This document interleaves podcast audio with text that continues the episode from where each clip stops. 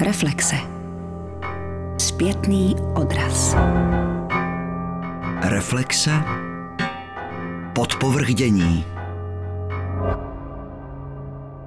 Naše představení knihy Korespondence Tomáš Garek Masaryk, Josef Svatopluk Machar 1893 až 1895 zahájíme vystoupením docenta Brabce, který se zabývá 90. lety 19. století a jeho hodnocení knihy je tudíž velmi cené. Ve svém vystoupení v knihovně Václava Havla, kde byla kniha prezentována, se věnoval i úvodní stati prvního svazku korespondence, nazvané Formování základů reformního modernismu Vratislava Doubka a Lucie Mrautové. Tu korespondenci můžeme vnímat mimo jiné také tak, že je v řadě řady korespondencí, které měl Masaryk s nejrůznějšími domácími i citými adresáty. Ale tato korespondence je v něčem výjimečná, protože v těch ostatních vždycky vystupuje Masaryk, že má názor, že se něco stalo, že on si o tom myslí tohle a tohle. Ale toto je první korespondence, kde vidíme Machara i Masaryka jakoby z jiné stránky, než je známe. Masaryk nevím, jestli měl nějaká přátelství, která bych řekl, by byla taková vzorová. Masaryk byl člověk, který má cíl a s tím cílem pracoval i s lidmi. Samozřejmě, že mu lidi byli blízké, ale nikdy se s někým, kdo bych řekl tomu cíli, který on vždycky měl, té vizi, který by mu v tom bránil, a nebo jenom by ho, řekl, zdržoval, tak to přátelství prostě jakoby odstoupilo do druhé pozice. To se stalo i s Macharem. Protože Masaryk byl člověk, který naplňuje vizi. A tuto vizi si nenechal od nikoho zkazit. Jak mohl Masaryk se svým dlouholetým přítelem Macharem mít tak hluboké přátelství a zároveň tak rychle se s ním rozejít. A jak mohl velmi přátelsky se chovat ke kritikovi, který odmítl jeho základní ideje, to je Ferdinand Peroutka. A přesto se orientoval k němu, protože věděl, že ta jeho vize je naplňovaná právě těmito najednou po válce první světové, najednou mladými lidmi. Ta korespondence ukazuje Masaryka tak, jak ho neznáme v jedné věci. Že totiž našel člověka, mladého Machara, 90. léta, uvědomil si, co to bylo za básníka, který oslnil už konfiteorem, první sbírka 1887, já si to musím zkontrolovat, a měl za sebou sbírku Christian Vindovona, rozvířila celou českou veřejnost a tento básník se seznamuje najednou po několika letech, kdy každý vyrůstal jinde s Masarykem a navazují korespondenci, která obdivodně z obou dvou stran odkrývá to privatissimo. Já nemám rád korespondence, ve kterých je vždycky akcentována nějaká pikantérie, kteří editoři, tady nejsou mezi náma takoví editoři, který právě se vyřádí nad tím, že odkryli jsme zakrytý cípek něčeho intimního, něco, co se nedělá. Podívejte se, chodil za nějakou jinou ženskou. To je ohromný v korespondenci. Stalo se to i s Masarykem. Ale tato korespondence nemá tento typ toho osobního, intimního, ale přitom důvěřivého. Uvědomme si, že to byla doba, kde jestli něco nebylo v ní, tak to nebyla důvěra. Lidé i blízkí přátelé v 90. letech si uchovávali distanc od toho svého přítele. A najednou u těch, tady bychom to vůbec nečekali, přichází nějaké takové divné spojení, protože říkat o sobě to, co říkali, je něco, co ani v té době nebylo. Na to špak u Masaryka a na to špak u Machara. Ta korespondence je právě jakési divné setkání, které mě fascinovalo, když jsem ty dopisy poprvé čet, protože to je kapitola, která nebyla napsaná. To je nádherné číst něco, co je, řekl bych, jako nové. Těm editorům naším se podařila ta, bych řekl, jako zázračná věc, že je to prezentováno ryze odborně, vědecky, ale zároveň to vytváří jakési pásmo, které je vzrušující tím, jaké děje se tam odehrávají, jak oni se na to ti aktéři dva dívají. Je to komentář k době, který jsme neměli. Naprosto originální komentář, kde prostě se zjevují události té doby z naprosto neznámých hledisek. Například je tam zrod mýtu, jak dva lidé si píší o Janu Nerudovi a vytvářejí mýtus, který potřebují oba dva. Jak si píší navzájem a potřebují se i ze soukromých zdrojů, to znamená i z drbů, ujistit v tom, že Vrchlický je kapitola uzavřená. Čili chci říct, že to není jakási nabídka, takhle to můžeme hodnotit jako ty dva aktéři, nejbrž právě naopak. Podívejme se, jak ti dva aktéři byli v době, co vytvářeli, protože oba dva byli aktivističtí, co vytvářeli, kam chtěli, aby to směřoval ten čas. To znamená, jaké akcenty se dávají nemilosrdně, co se týče lidí. Vyzvedat jednoho, ponížit druhého. Proč? Snad z nějakého, bych řekl, nápadu? Ne. Koncepčně. Chceme za něčím jít, někdo brání, druhý nás podporuje. A to je něco, co na té korespondenci není třeba to nejkrásnější, ale je to na té korespondenci velice podstatné. Začínáme díky této korespondenci novou kapitolu, nový pohled na 90. léta. Já vlastně jsem dost dlouho pracoval právě na těchto letech, tedy ne, že bych tam byl, ale tyto leta pro mě byly jako klíčová. A mohu říct, že po této korespondenci se musí začít jinak, z jiné strany. Tolik docent Jiří Brabec v knihovně Václava Havla. Editorem prvního svazku korespondence Tomáš Garik Masaryk, Josef Svatopluk Machary spolu s Helenou Kokešovou a Irenou Krajtlovou Petr Kotik, který pracuje v literárním archivu Památníku národního písemnictví, stará se tam o akvizice, o získání dokumentů do osobních fondů a dodatků k nim. Petr Kotik teď popíše příběh jednoho nálezu. My sbíráme veškeré doklady, korespondenci, rukopisy, pracovní materiály a vše, co souvisí s daným spisovatelem. Od roku 1942, kdy Machar zemřel, je v literárním archivu i jeho osobní fond, který je neobyčejně zajímavý. Ale jako velký oříšek se nám jevilo to, proč v něm nejsou dopisy T.G. Masaryka. Pravděpodobně došlo v roce 1942 k tomu, že rodina ten fond v podstatě před nacisty ukryla v literárním archivu jako takový depozit a to nejcennější, co měla, to znamená dopisy Masaryka, raději schovala zvlášť, protože i tomu deponování v Národním muzeu pravděpodobně nedůvěřoval a bála se, aby se s nimi něco nestalo. Později ty dopisy, které byly uloženy v jednom lékařském koženém kufříku, zdědila po Jiřince Marešové, která byla provdanou dcerou Machara, její přítelkyně. Ta přítelkyně byla vrstevnice paní Jiřiny Marešový a měla dceru. A ta dcera, paní Eva Kropičková, po smrti Jiřiny Marešové, o kterou se její rodina starala, schovala zase ve skříni, protože to byla doba komunismu, s kterou jak Macharovi, tak rodina Evy Marešové měla jenom špatné zkušenosti.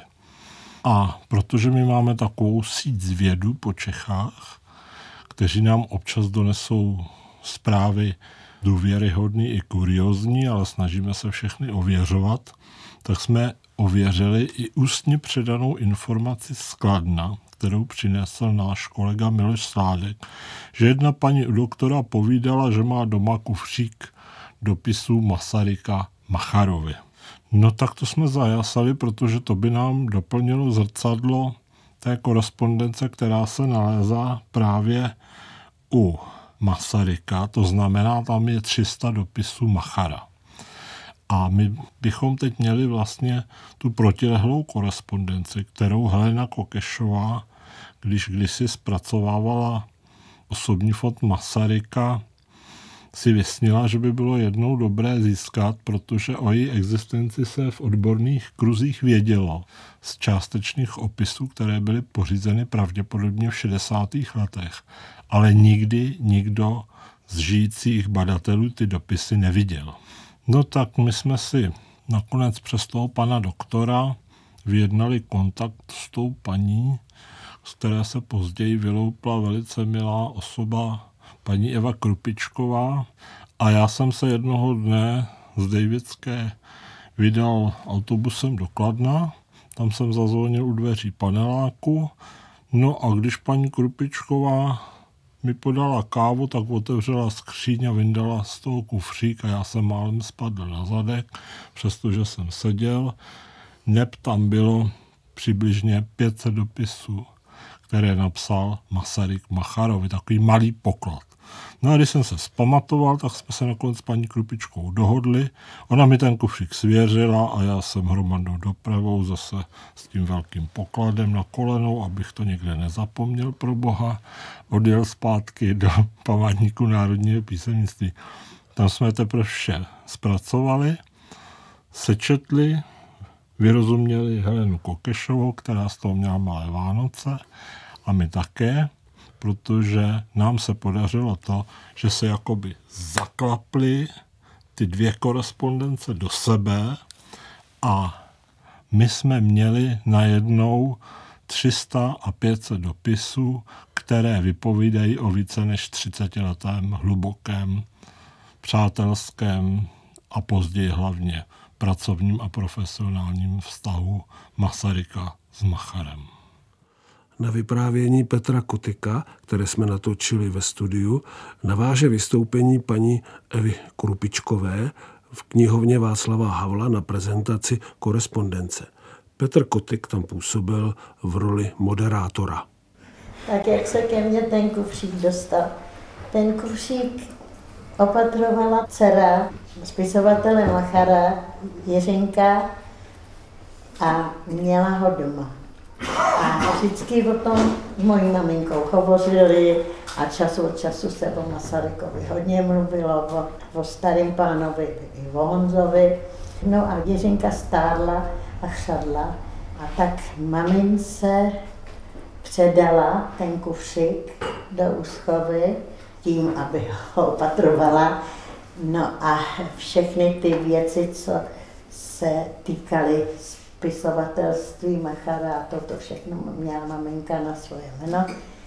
A když moje maminka zase stárla, a já ještě byla mladá, tak maminka mě ten kufřík, protože věděla, že se s Jiřinkou máme rádi a prostě to, takže mě ten kufřík svěřila. A to bylo v jakém roce asi? No tohle to Přibližně. Tak před 30 lety. Tam mohlo být 30, 40, tak. Nevím to přesně. No a, a tak, no teď nevím, kde jsem přestala. Že ten kufřík vám svěřila maminka před 40 lety. A já ho opatrovala jako oko v hlavě, měla jsem ho bez u mě blízko postele, No a vždycky jsem měla takovou otázku, co s tím, že je to hrozná škoda, že to je poklad. Tak jsem jednou, zase já jsem dost povídana, tak jsem byla u očního lékaře a nějak přišlo slovo, dalo slovo a on mě právě poslal na vás. Respektive vás na mě. No a tímhle tím způsobem přišel kufřík k vám. A já, když jsem ho uviděla, já se vám přiznám, teď dneska, já jsem ho dlouho neviděla, tak jsem ho i hladila a prostě, já nevím, já k němu mám nějaký, nějaký vztah. Hlubší než k věci. Je to zajímavé, no. Tak to je asi všechno po sympatickém vystoupení zachránkyně koženého kufříku Evy Krupičkové v knihovně Václava Havla se vrátíme do rozhlasového studia a budeme debatovat o prvním svazku korespondence Tomáše Garika Masaryka a Josefa Svatopluka Machara z let 1893 až 1895 s editory knihy Helenou Kokešovou a Petrem Kotykem. Po nálezu koženého kufříku z dopisy zřejmě následoval druhý krok editování rukopisu. Tak rychle to bohužel nešlo, protože samozřejmě nejdřív jsme se potřebovali s tou korespondenci seznámit, zjistit ten její skutečný rozsah a množství. No a pak jsme tedy začali zvažovat otázku, jak si s tím poradit, protože jsme věděli, že vydat takový mohutný celé korespondence zabere spoustu času, ale vyžaduje to také spoustu peněz.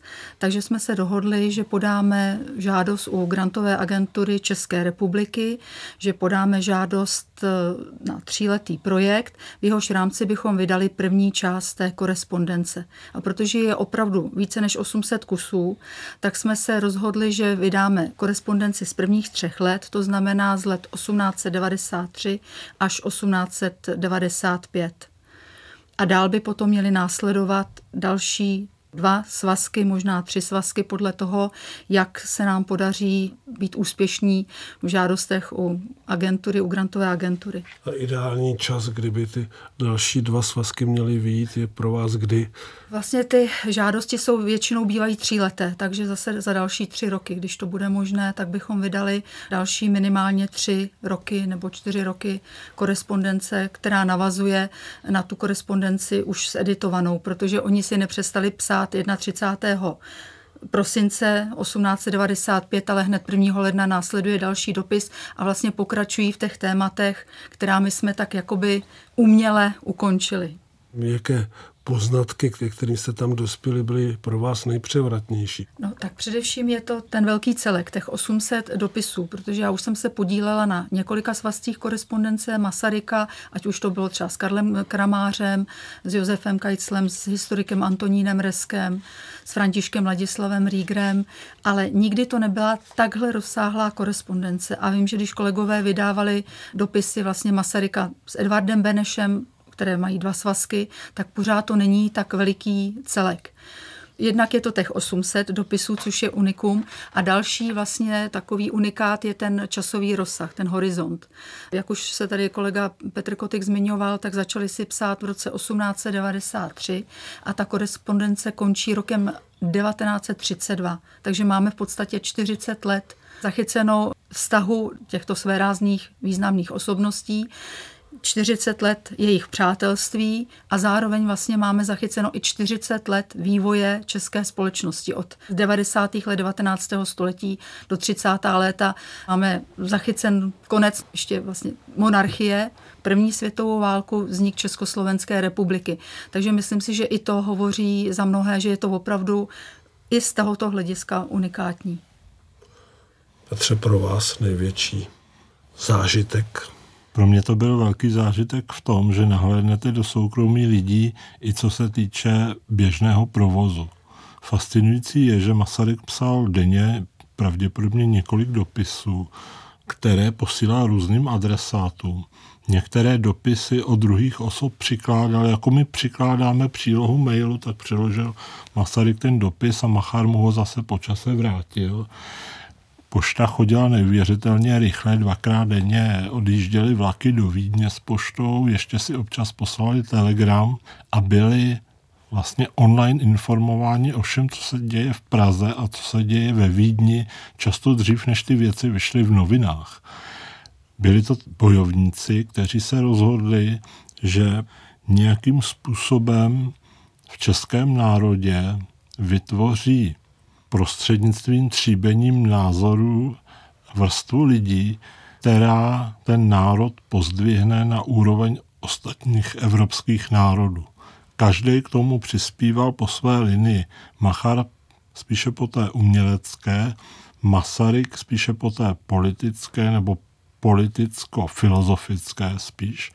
Ale fascinující je, že se jim to v roce 1918 povedlo a český národ díky Masarykovi zejména měl vypěstovánu inteligenci, která byla schopna vést samostatnou existenci, vést samostatný stát, což v těch 90. letech, když sledujeme ty dobové půdky, mladočechy, staročechy a podobně, ještě v žádném případě nebylo. Já bych se vrátil ještě k té korespondenci Masarykovo a Macharovo přátelství procházelo nějakými peripetiemi. Ty se dostavily hlavně v samostatné republice, kde došlo k jakému si rozkolu, rozchodu. V tom období třech let, o kterém teď mluvíme, které obsahuje ten první svazek, jsou tam nějaké náznaky určitých disharmonií v tom jejich vztahu. Teď nemyslím nějaké tříbení názorů, které je celkem logické. Nějaký takový předobraz toho jejich nesouladu po vzniku samostatného státu z toho prvního tříletí, dá se říct, tak vlastně je ten první náznak odlišného názoru je až při koncipování nebo při vzniku manifestu Česká moderna.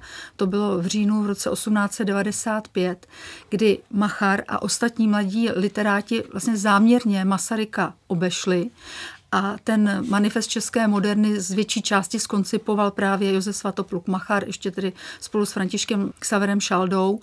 A Masaryka, dá se říct, postavili před hotovou věc. Publikovali ho v rozhledech.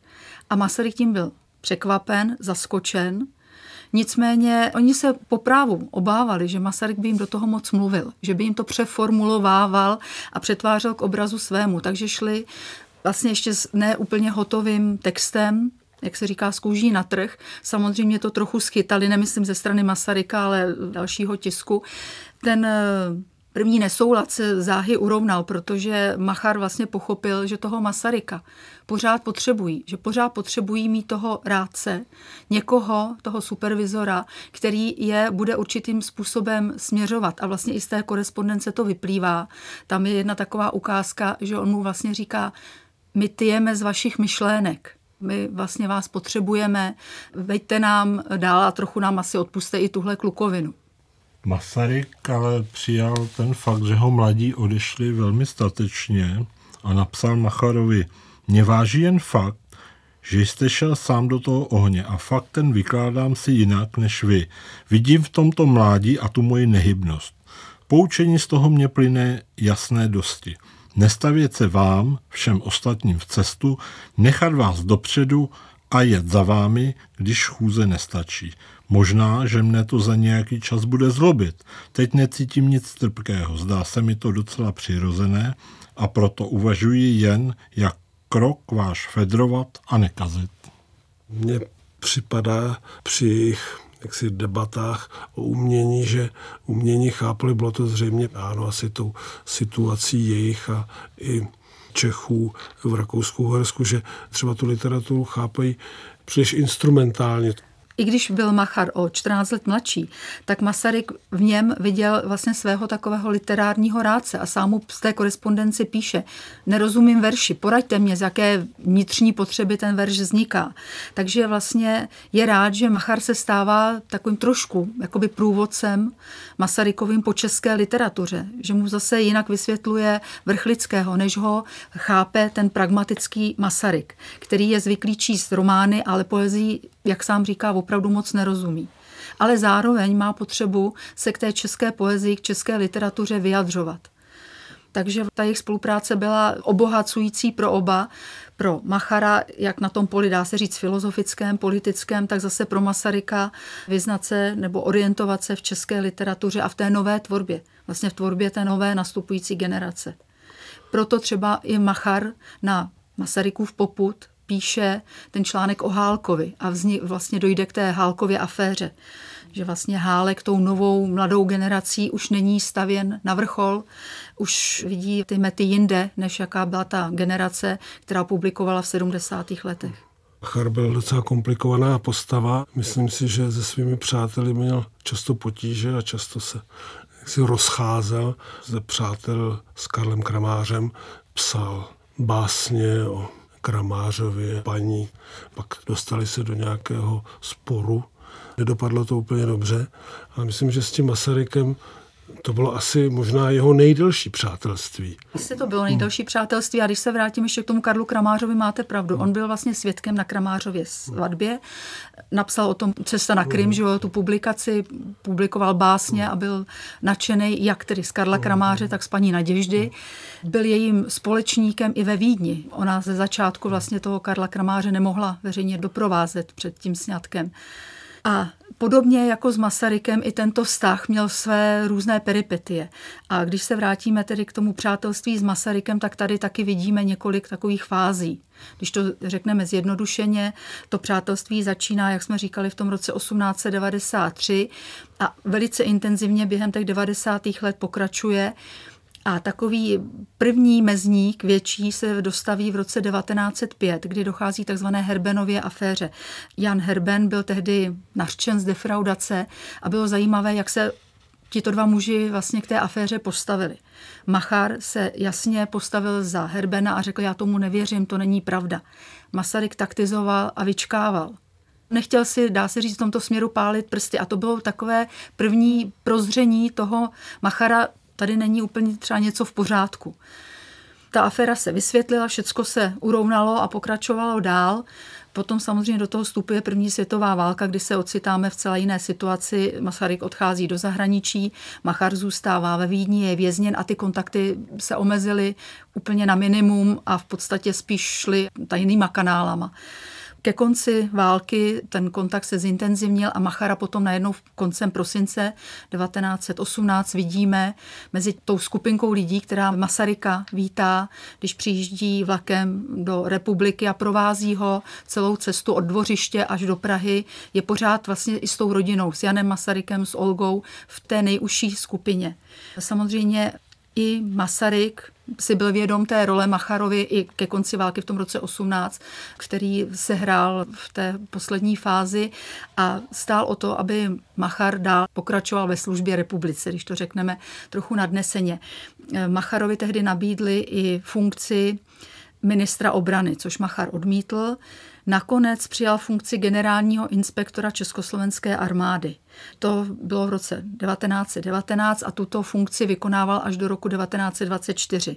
Tehdy se Machar vzdal vlastně, dá se říct, částečně literární činnosti a hlavně takového politického vystupování a opravdu se věnoval v rámci možností budování československé armády. Nicméně ani tato epizoda nedopadla dobře. Víme, že vlastně z funkce byl odvolán a Masaryk se za něj tehdy taky nepostavil. Dal přednost té vrcholové politice, kdy Machar se dostal do pozice, kdy nebyl vítán těmi špičkami eh, československé politiky a nechci říct úplně, že ho Masaryk hodil přes palubu, ale Machar si to zřejmě tak vysvětlil a ta hořkost z tohohle vlastně neslavného konce v něm zůstala v té armádě docházelo k nějakým takovým excesům, že ty vojáci zněli z něho legraci, že on neuměl vlízt třeba na koně no, a oni ho tam třeba posadili z legrace obráceně a teď on nemohl slízt dolů. Je to, co je až tak trošku jako groteskní věci. No ale už v prvním dopise, který napsal Machar Masarykovi, mu řekl slovutný mistře, co napíšu, podepisuji plným jménem, bude-li nutno polemizovat, provedu polemiku do konce. To jsme o 30 let ale dřív, než ta doba těch skandálů generálního inspektora. A to byla doba, kdy se do novin psalo často anonymně nebo pod šifrou a velkou část energie někteří lidé vyplýtvali na to, že zjišťovali, kdo to napsal a pak s ním polemizovali tak různě na dálku taky s cílem ho nějakým způsobem odhalit.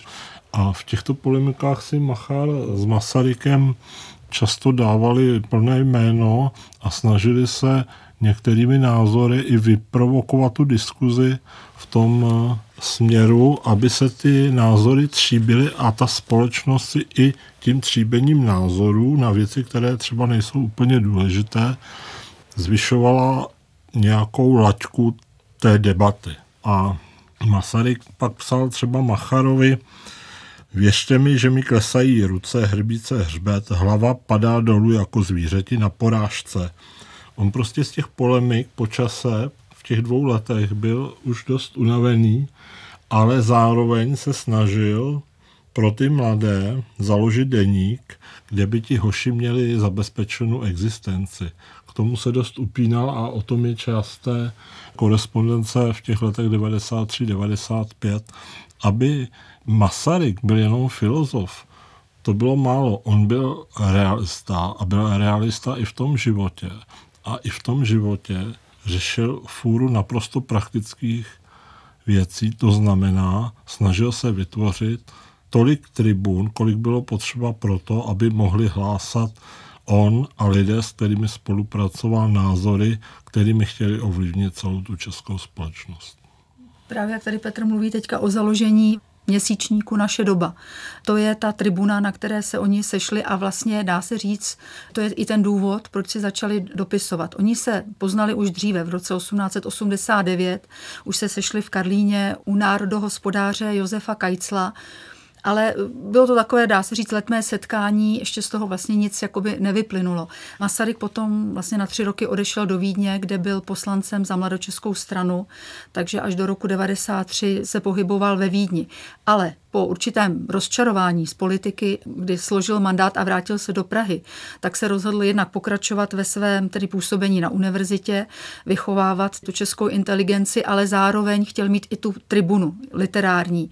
Chtěl navázat na to tehdy až moc učené a odborné Ateneum a proto zvolili, dá se říct, jiný takový populárnější formát a to byl právě ten měsíčník Naše doba. A pro tu naši dobu potřeboval mít i někoho ve Vídni, kdo by ho informoval o kulturním politickém mění, kdo by byl ochoten psát recenze, kdo rozumí literatuře, po případě i sám tvoří a kdo prostě bude, jak oni tady říkali, přispěvatelem té reví. A v Macharovi ho našel. Machar ve Vídni se ještě podílel na řadě kroků, které měly dostat i Masarykovi články, i články některých dalších autorů a nebo texty básníků do německého jazykového prostředí. Eduard Albert, dvorní rada, vydal v té době sborník vlastně české poezie nebo no, výbor, antologii, antologii, na které spolupracoval i Machar a která vlastně uvedla do německého prostředí básníky Čecha, Sládka, spisovatelku Krásnohorskou. Oni se rozhodli, že budou spolupracovat na evropské úrovni s německými novináři, kteří byli svobodomyslní a snažili se ale postupně pronikat i do francouzského a německého tisku. A k tomu jim sloužila jako vstupní brána do té Evropy právě ta vídeňská kulturní scéna, kterou Machar díky svým kontaktům tam mohl v intencích toho, oč ho často žádal Masaryk, oslovovat. Masaryk zadával Macharovi dosti značné penzum úkolů, které měl ve Vídni vyřídit a nevím, jak dalece se to ví, ale Masaryk byl velmi dobře informován o řadě dobových intrik a řadu z nich právě přes Machara nějakým způsobem i rozplétal a vracel úder často ne veřejně, ale neveřejně. Naši debatu na chvíli přerušíme a poslechneme si ukázku z korespondence Tomáše Garika Masaryka s Josefem Svatoplukem Macharem. Petr Gojda nejdříve přečte Masarykův dopis z 19. dubna 1894. Dopis byl psán v Praze. Milí příteli, Zolu vám snad pošlu, až ho opiluji. Napsal jsem ho v ráži a posud neprohlédl. Měl jsem zvláštní vůči Zolovi pocit. Když se autor tak obecně čte a dost obecně chválí, A hlavně, když sám tak vytrvale píše, tedy počíná mi býti hádankou a tu musím si rozluštit. Podobný pocit mám vůči Vrchlickému a nebýt těch veršů, tedy bych s ním byl také již pro foro interno vypořádaný. Neřekl jsem to dost jasně o těch verších, protože jsem veršů nikdy tak nestopoval jak romány a dramata, nevím, do které přihrádky s ním, kdo veň měl vliv a tak dále. Kolára naleznete v době. Částečně redakční ohledy, ale hlavně příležitost říci něco o naší politice přiměli mne k uveřejnění. Kolár sám mě nezajímá, je jaksi škrobený, pastorský ve svých myšlenkách, také málo originální. Jediné, co mě vábilo, je fakt, že publikus vlastenecký a literární nemá ponětí, co v něm hledat. Následující části budou psány na notu Malý národ, jakou totiž se brát cestou myslícím členům národa malého, každému v oboru svém, tedy pokus o kodex naší české taktiky životní. Jsme zase při drobné práci, o které jsme mluvili a již teď také vzpomínáte. Chci to však provést trocha hloub. Co byste k tomu řekl, kdybych to formuloval, hledě k našim radikálům a mladočechům, takto. Revoluce je šosáctví. A je, jak se přežily vojny, tak i revoluce, je to obojí, vojna i revoluce, nejjednodušší expedienc, neboť kopat je snažší než cítit a myslit. Formulace má všelijaké háčky, vím, ale obstojí. Námitky, obětování života, heroism a tak dále činím si sám.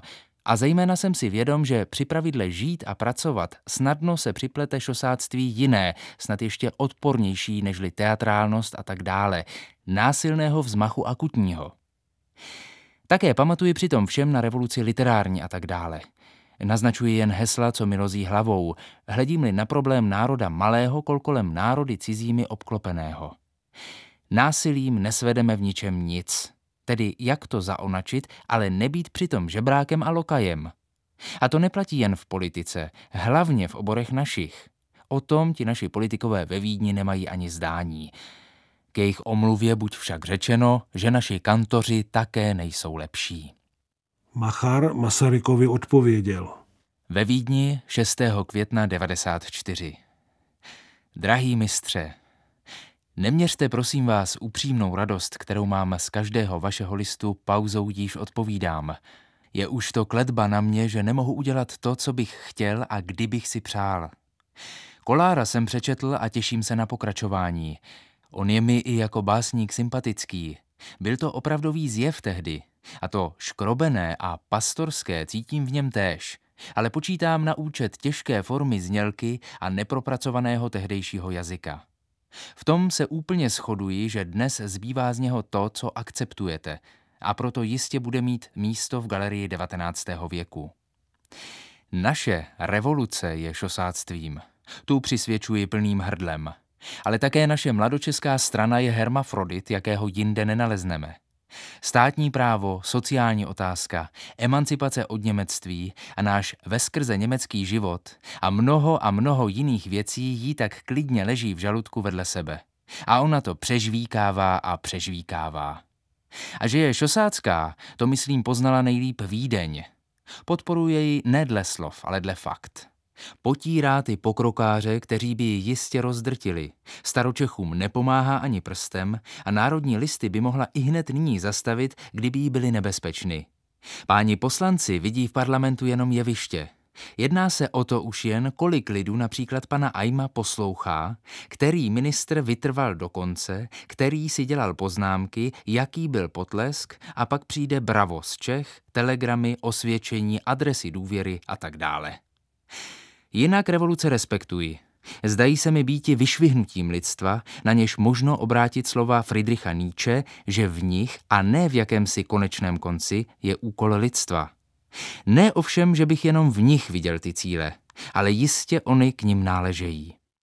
Po ukázkách z korespondence Tomáše Garika Masaryka a Josefa Svatopluka Machara si poslechneme zkrácený záznam vystoupení Lucie Merhautové, spoluautorky úvodní statě korespondence v knihovně Václava Havla při prezentaci knihy. Musím říct, že už před lety jsme pracovali jenom s Macharovými dopisy, tedy tou známou částí a z této korespondence s Vrátil Doutkem a museli jsme si představovat tu druhou část, ty Masarykovy dopisy a i když imaginace by měla být i součástí práce literární historičky a historika, tak přece jenom potom, když se ty dopisy Masaryka objevily, tak jsme byli velmi překvapeni, jak eh, už modelitou právě těch dopisů i samozřejmě jejich obsahem.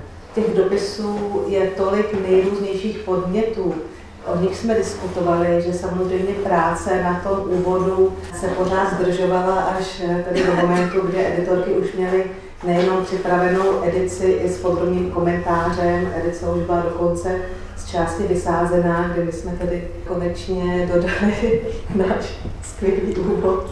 Myslím pořád, že tam zůstala řada otázek otevřených, protože jak bylo zřejmé i z těch ukázek, tak každý dopis je vlastně plný nejrůznějších narážek k soudobým, literárním, společenským, politickým událostem, do kterých oba aktéři chtěli aktivně vstupovat a proměňovat je. Nedá se prostě eh, interpretovat a zachytit všechno, je to samozřejmě otevřené, otevřená korespondence, otevřená četba.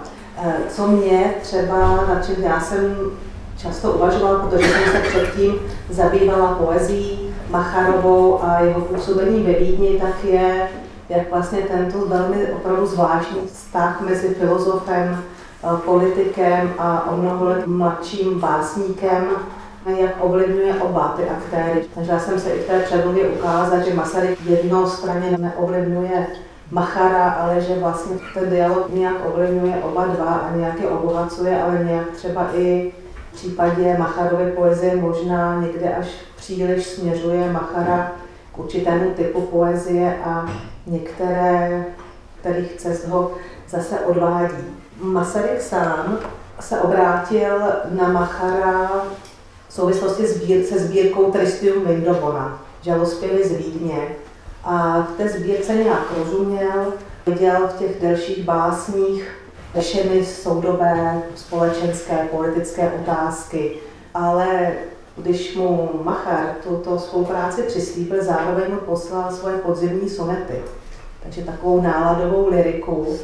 A myslím, že Masaryk, ne, že by se mu to nelíbilo, ale vlastně nevěděl přesně, co si s lirikou počít, protože v literatuře často chtěl najít problém, jako otázku, co samozřejmě po lirice nelze chtít.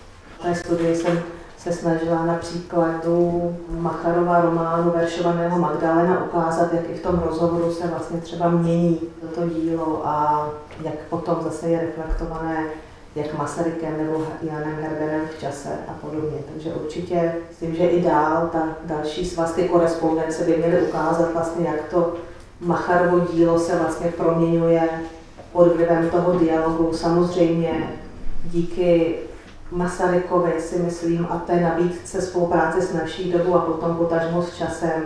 Samozřejmě to dává vznik Macharovi fejetonistovi a ta jeho fejetonistika potom byla nesmírně populární, hlavně v prvních desetiletí letech před první válkou a určitě vlastně to byl právě Machar, který byl populární možná i vlastně zvyšoval popularitu vlastně realistické Masarykovy strany.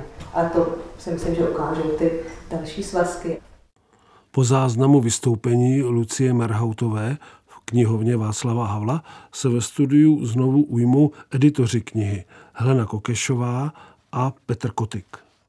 Masaryk vyrostl na venkově a měl potřebu vracet se do přírody. A jako profesorovi se mu to podařilo vlastně jenom v rámci letních prázdnin, ale tady opravdu důsledně dbal na to, aby se celá rodina dostala ven z Prahy.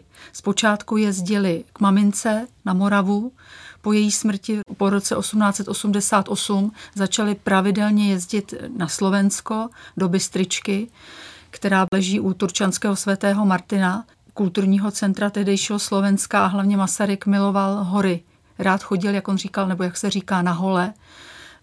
Rád chodil i na ty medvědy, ale vůbec do přírody, na ryby. A byl to pro něj vlastně odpočinek po té práci na univerzitě, v knihovnách. On si ale zároveň potřeboval dát nějaký cíl proto chodil na ty modvědy, proto chodil na ty ryby a proto si naplánoval tury, protože nesnášel jenom takové prázdninové lélkování. On, i když jakoby nic nedělal, tak aktivně odpočíval a tím se připravoval na tu svoji práci, která zase po těch jeho prázdninách vypukla v nestenčené míře. V těch dopisech jsou zajímavé pasáže o tom, jak na něčem intenzivně pracuje a jak do toho dostává horečky, tu a tam mu přestane něco fungovat, ale pravděpodobně to byly psychosomatické projevy toho, jak se do něčeho ponořil, takže i to tělo se mu jako znehybnilo, že nemohl dělat nic jiného a musel prostě být doma a dělat, dělat, dělat. No. Následuje jedna z nejpůvabnějších pasáží Masarykových dopisů básníku Macharovi. Nazvali jsme si Lov medvěda. Co konečně medvěda se týká, tedy dostanete kůži exempláru, jenž mi doufám už na rok bude k dispozici, jestli ho střelím.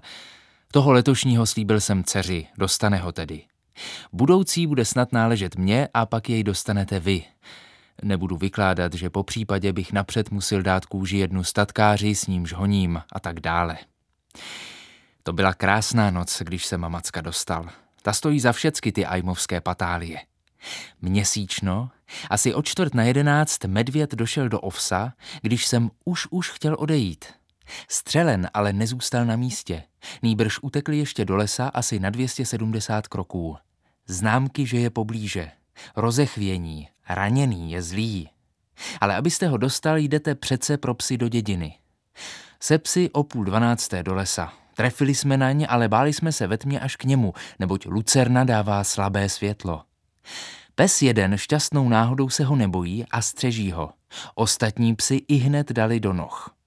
My asi na 300 kroků od něho udělali si vatru a až do svítání čekali, abychom pak šli za ním. Mezitím už chudák dodělal. Teď doprava domů, celá ves je na nohou, kde kdo přichází naproti. Ve vsi již přes 20 let nebyl viděn zabitý medvěd. A procesí doprovádí šelmu domů. Zvláštnost. Oslovují ho všichni jako člověku zlému a mají pohrobní řeč. Například už nebudeš ty hnusníku napadat mé jalovice a tak podobně. Při vstupu do vesnice se střílí a tak dále. Vykuchali jsme ho, vycpali mu břicho a dali na strom, jako by na ní byl vlezl. Později postavili jsme ho na zem. Lidé i z města přicházeli se dívat. I hned začaly bajky a historie. To, že jsme nančli v noci do lesa, se zveličilo. K tomu se i žertem něco přidalo a tak byla za chvíli a druhý den celá medvědí historie o roztrhání a tak dále. A to všecko bych vám sám přál. Já to prožívám rád a cením si toho, ale z vás by to snad vyšlehlo vkus slovenského pana Tadeáše. Ještě jednou se vrátíme s Petrem Kotykem k nálezu koženého kufříku. My když jsme vyndali asi ty čtyři obálky, kde bylo těch 500 dopisů, tak na dně zůstaly desky a v těch deskách byly Macharovy deníky.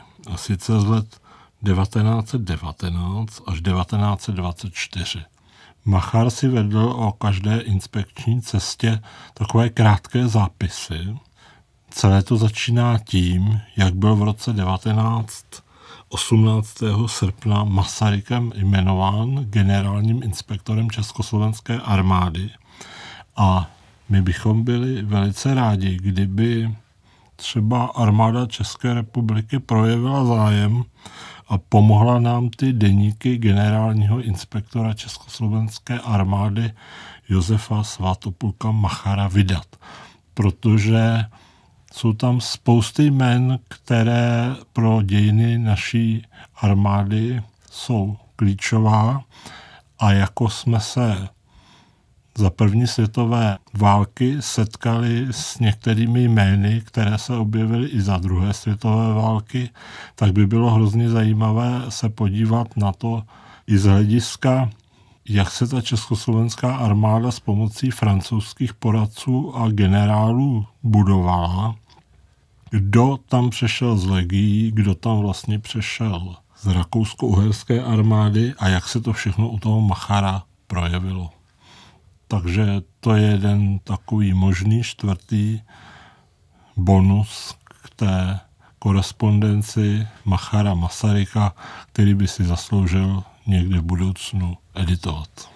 Náš pořad o prvním svazku korespondence Tomáš Garik Masaryk, Josef Svatopluk Machar uzavře vystoupení Vratislava Doubka, spoluautora úvodní statě knihy, na prezentaci v knihovně Václava Havla. Už tady padl ten komentář, jak se historici a literární historici blíží k dokumentům, opatrně blíží k dokumentům, jejichž druhou část už znají. Eh, Jiří tady dokonce řekl, že vlastně po té, co se objevil tenhle ten zázračný zapomenutý, skoro zapomenutý kufřík, tak eh, jakoby badatelé tedy se znovu dostali na začátek a, a museli znovu promýšlet svoje interpretace 90. let. Je pravda, že my jsme s Lucí byli vlastně v té situaci, kdy jsme nejen četli ty dokumenty, to už dělali editoři také před námi, ale když jsme měli tedy milou povinnost, autorskou povinnost, ty dokumenty nějakým způsobem zhodnotit a zkusit tedy zakomponovat do 90. let a znalosti Masarykovi a aktivity znalosti Macharovi, literatury a aktivity. Vždyť už jsme všechno podstatné věděli. Samozřejmě, že si historik myslí, že si že všechno podstatné už ví a má tu výhodu, že ví, jak to dopadne ještě.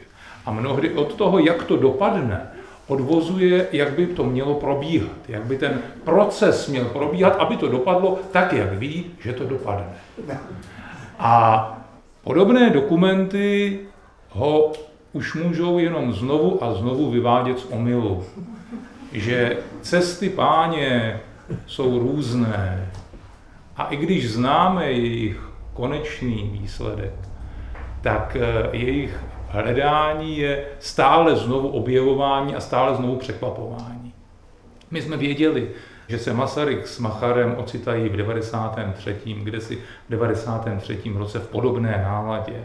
Masaryk jaksi deprimovaný ze své pražské politické zkušenosti. Vždyť on v Praze nechtěl zůstat, on se chtěl odstěhovat, on se chtěl odstěhovat do Ameriky a do Ruska a, zabředl do pražské politiky a v 93. roce z ní vyskočí a hledá novou cestu. My jsme věděli, že Masaryk hledá, a, a víme to i do budoucna, do dalších let, že bude hledat stále mladší a mladší spolupracovník, až nakonec skončí u toho u, už téměř o dvě generace mladšího Edvarda Beneše. Že ti jeho rovesníci nezůstanou jeho přáteli. Machar je další stupeň, zase o mnoho let, o deset let mladší než Josef Kajce. Ale co ještě svedlo tyhle ty dva muže k sobě. Musím říct, že mě velice překvapil jeden z těch dopisů, a neřeknu vám tady teďka číslo a stránku, kde Masaryk otevřeně přiznává, co ho vlastně na Macharovi zajímá, v čem je pro něj aktuálně inspirativní. Machar znal poezii. Masaryk v té době píše své slovanské studie a zkoumá Kolára, kterému otevřeně říká, já mu nerozumím. Já nevím, z jaké potřeby duše se bere verš. Řekněte mi to. A tak se náhle ten poněkud mentorský Masaryk ocitá v roli žáka, který žádá svého o generaci mladšího partnera, aby ho vyučil. Aby ho vyučil číst verš, aby mohl pokročit dál, aby pochopil Kolára a mohl psát své slovanské studie. Nebyl v tom pochopitelně jenom ten, ten pragmatismus, ta snaha najít si inspiraci u svého partnera. Ale i ta byla důležitá a i tu jsme si, a nyní můžete i vy, hledat v dopisech korespondenci mezi Masarykem a, a Macharem. Tolik Vratislav Doubek. Na úplný závěr našeho pořadu schrnu rozhovory, které jsme během jeho přípravy vedli s Helenou Kokešovou. Čtenáře nehistorika na korespondenci Tomáše Garika Masaryka a Josefa Svatopluka Machara by možná mohla zajímat šíře zájmu obou pisatelů, především u Masaryka neobyčejný záběr, který je zřejmý i z jiných jeho paralelně vedených korespondencí. Díky tak intenzivně vedené korespondenci těchto dvou přátel máme možnost nahlédnout nejen do zákulisí kulturního a politického vývoje české společnosti poloviny 90. let 19. století, ale můžeme takřka v přímém přenosu sledovat například Masarykovu redakční práci v reví Naše doba i týdeníku Čas, spolupráci s Macharem, Janem Hrebenem, jejich strategie, hodnocení probíhajícího dění, ale také vznik jednotlivých děl. V Masarykově případě české otázky, naší nynější krize, u Machara zejména románu ve verších Magdaléna, sbírky Zde by měli kvést růže a satyry Boží bojovníci. Dozvídáme se, jak přemýšleli, s čím bojovali, o čem pochybovali a v co věřili.